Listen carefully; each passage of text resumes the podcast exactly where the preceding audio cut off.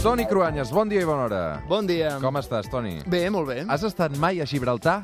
Sí, he estat a Gibraltar. Ho he cobert com a periodista a l'època que vaig estar a Londres de, de corresponsal. Quants anys fa d'això? 10 o així, potser ja. Uh, sí, diguem 10, però potser serien alguns més. I què, què, què és Gibraltar? És molt lleig. Puc confirmar que és, És molt molt- lleig. es confirma Té- la notícia. Té el pitjor dels espanyols i el pitjor dels britànics, sí. Realment, eh, o sigui, vas anar uns dies per feina. Sí, sí, per feina. I després hi he tornat perquè hi vaig anar de vacances i això ja és més recent. I també puc dir que no ha canviat gens en 15 anys. Avui una altra història amb el Toni Cruanyes, un territori britànic d'ultramar.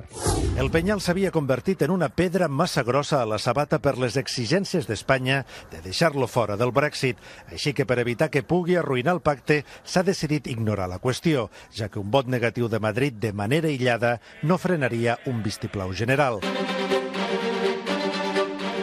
Aquesta és la disputa que narrava el Sergi Morero aquesta setmana al Tena de TV3, la disputa entre el Regne Unit eh, i Espanya per Gibraltar. Toni, avui dediquem una altra història precisament a la història de Gibraltar.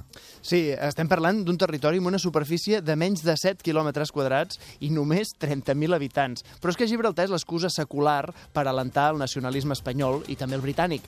Són cícliques aquestes crisis entre els dos governs de Londres i Madrid per un statu quo que es manté des de fa més de 300 anys, de quan els Borbons volien afiançar-se a la corona espanyola i els britànics realment dominaven els mars.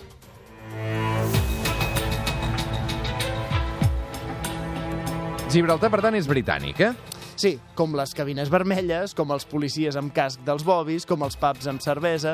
És un territori del Regne Unit d'ultramar, se li diu així perquè és quan en van treure l'etiqueta de colònia. Això és l'any 1967. Està governat per un representant de Londres i per un ministre principal elegit pels gibraltarenys.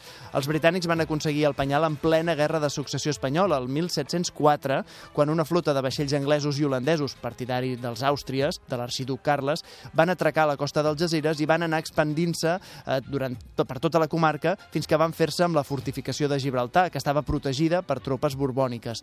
Situem-nos, a veure, mentalment, en la guerra de successió i un camp de batalla molt diferent, però de l'època en què es conserven, per exemple, les ruïnes del Born Centre Cultural de Barcelona. En aquells moments, a Gibraltar, els partidaris dels Borbons eren pocs perquè el valor que li donaven en aquell penyal era molt menor. Només tenien 80 soldats i 120 canons, amb uns 300 milicians molt poc instruïts. Amb això, van intentar defensar la fortificació que ja era aleshores el penyal. Eren pocs. És lògic des del punt de vista de l'exèrcit borbònic, perquè controlaven facilitat tot el sud d'Andalusia, però, en canvi, per als britànics i els partidaris dels Àustries, aquell enclavament podia significar una petita victòria i, a la vegada, un refugi. Per això hi van enviar 12.000 homes i 1.500 canons, a més de suport de la Marina Britànica. Per tant, amb aquest desplegament hem d'entendre que el setge de Gibraltar va ser violent? Va ser com el que van fer els Borbons contra Barcelona o no? Eh, Hi ha una diferència clau respecte al que va passar a Barcelona, i és que els habitants de Gibraltar van abandonar el penyal gairebé en massa. No hi va haver resistència després de la victòria dels austriacistes. O sigui, que després Gibraltar seria repoblat gairebé en exclusiva per britànics. A diferència de la Barcelona de l'endemà de la derrota de 1714, allà la gent, els autòctons, van marxar. En canvi, els britànics que hi van combatre s'hi van quedar, i també un petit grup de catalans. És un batalló de 350 soldats catalans que van ajudar els britànics en aquell assalt. Van desembarcar a la platja de la Caleta, que després va ser rebatejada com a Catalan Bay, i encara avui. Si vas al Museu d'Història de Gibraltar, les referències són contínues a aquells moviments entre partidaris dels Borbons i dels Àustries en la lluita que després continuaria a Catalunya. Això sí, sempre des del punt de vista històric dels britànics.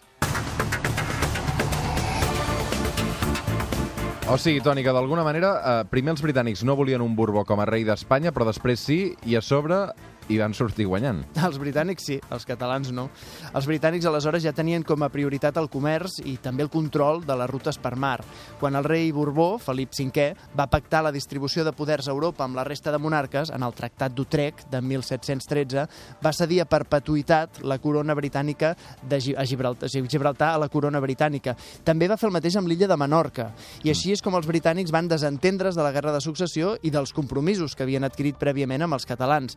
Els britànics, incomplint aquest compromís, ens van deixar tirats i malgrat que Espanya ha reivindicat que Gibraltar és espanyol des de l'endemà mateix de la sessió, els britànics no se n'han després mai. I la importància estratègica en un punt d'unió entre el comerç mediterrani i l'Atlàntic va anar en augment, per exemple, amb l'obertura del canal de Suez o durant la Segona Guerra Mundial, que es va construir un aeroport militar que va fer, van fer servir l'exèrcit aliat en la zona de l'Isma, o sigui, el tros que hi ha, el tros de terreny entre el Penyal i la península. I encara a finals del franquisme, Espanya va portar el cas de Gibraltar al Comitè de Descolonització de les Nacions Unides.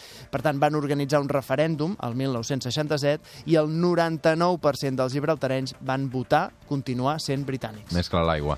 Uh, tot i això, el govern espanyol continua de manera cíclica, no?, reclamant que Gibraltar sigui espanyol. Sí, i, i tant en el franquisme com ara. La manera de reivindicar que Gibraltar ha de ser espanyol ha estat castigant els seus habitants. En lloc d'intentar pactar-hi o seduir-los, el govern de Madrid no ha reconegut mai el govern, diguem-ne, autonòmic de Gibraltar.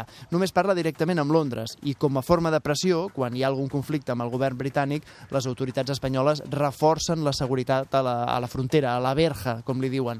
D'aquesta manera provoquen cues d'hores i hores als habitants de Gibraltar que treballen fora del penyal, per entrar o per sortir-ne.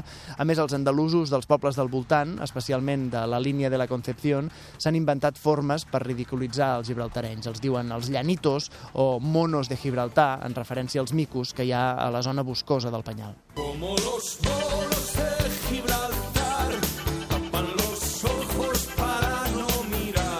Els diuen monos, eh? com cantava Víctor Manuel. Sí, i d'anècdotes de males passades que els hi han fet els veïns andalusos n'hi ha moltíssimes. Una de molt friki. A veure. Als anys 70, l'alcalde de la línia de la Concepción va fer construir un camp de futbol just davant del Penyal. Mm. Perquè, clar, a Gibraltar és impossible fer un camp de futbol perquè no hi ha suficient espai pla, està desnivellat, tot és roca. Així, en una època en què la gent gaudia de futbol, però que la televisió era molt menys popular, van fer un camp pel que van aconseguir que hi passessin els millors equips d'Espanya per jugar-hi, un autèntic camp de primera divisió. La tribuna, però, la van fer tan alta que des del penyal no es podia veure el terreny de joc. Així, els feien enveges perquè podien veure que hi havia el camp, però no podien seguir el partit. I això amb connivència de les autoritats futbolístiques espanyoles franquistes en aquell moment, que van assegurar-se que els jugadors més populars hi juguessin en un moment o altre, malgrat que el nivell futbolístic de la zona era molt baix. Mm -hmm. I 300 anys després, Toni, ho hem comprovat aquesta setmana, la ferida de Gibraltar continua oberta. Una ferida alimentada pels nacionalismes espanyol i britànic, per totes dues bandes. És normal que els gibraltarenys, amb l'animadversió dels pobles de l'entorn al Penyal i perquè tots són descendents de britànics, se sentin més propers a la reina Elisabet d'Anglaterra que al rei Borbó d'Espanya. Només fent una mica d'història s'entén, si no, aquesta anomalia geogràfica que representa un Gibraltar britànic. Quiero ir a Gibraltar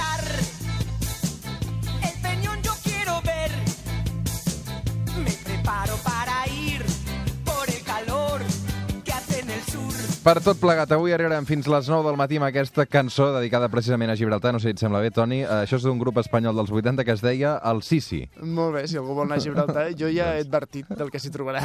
Camí de les 9 del matí. Fins ara.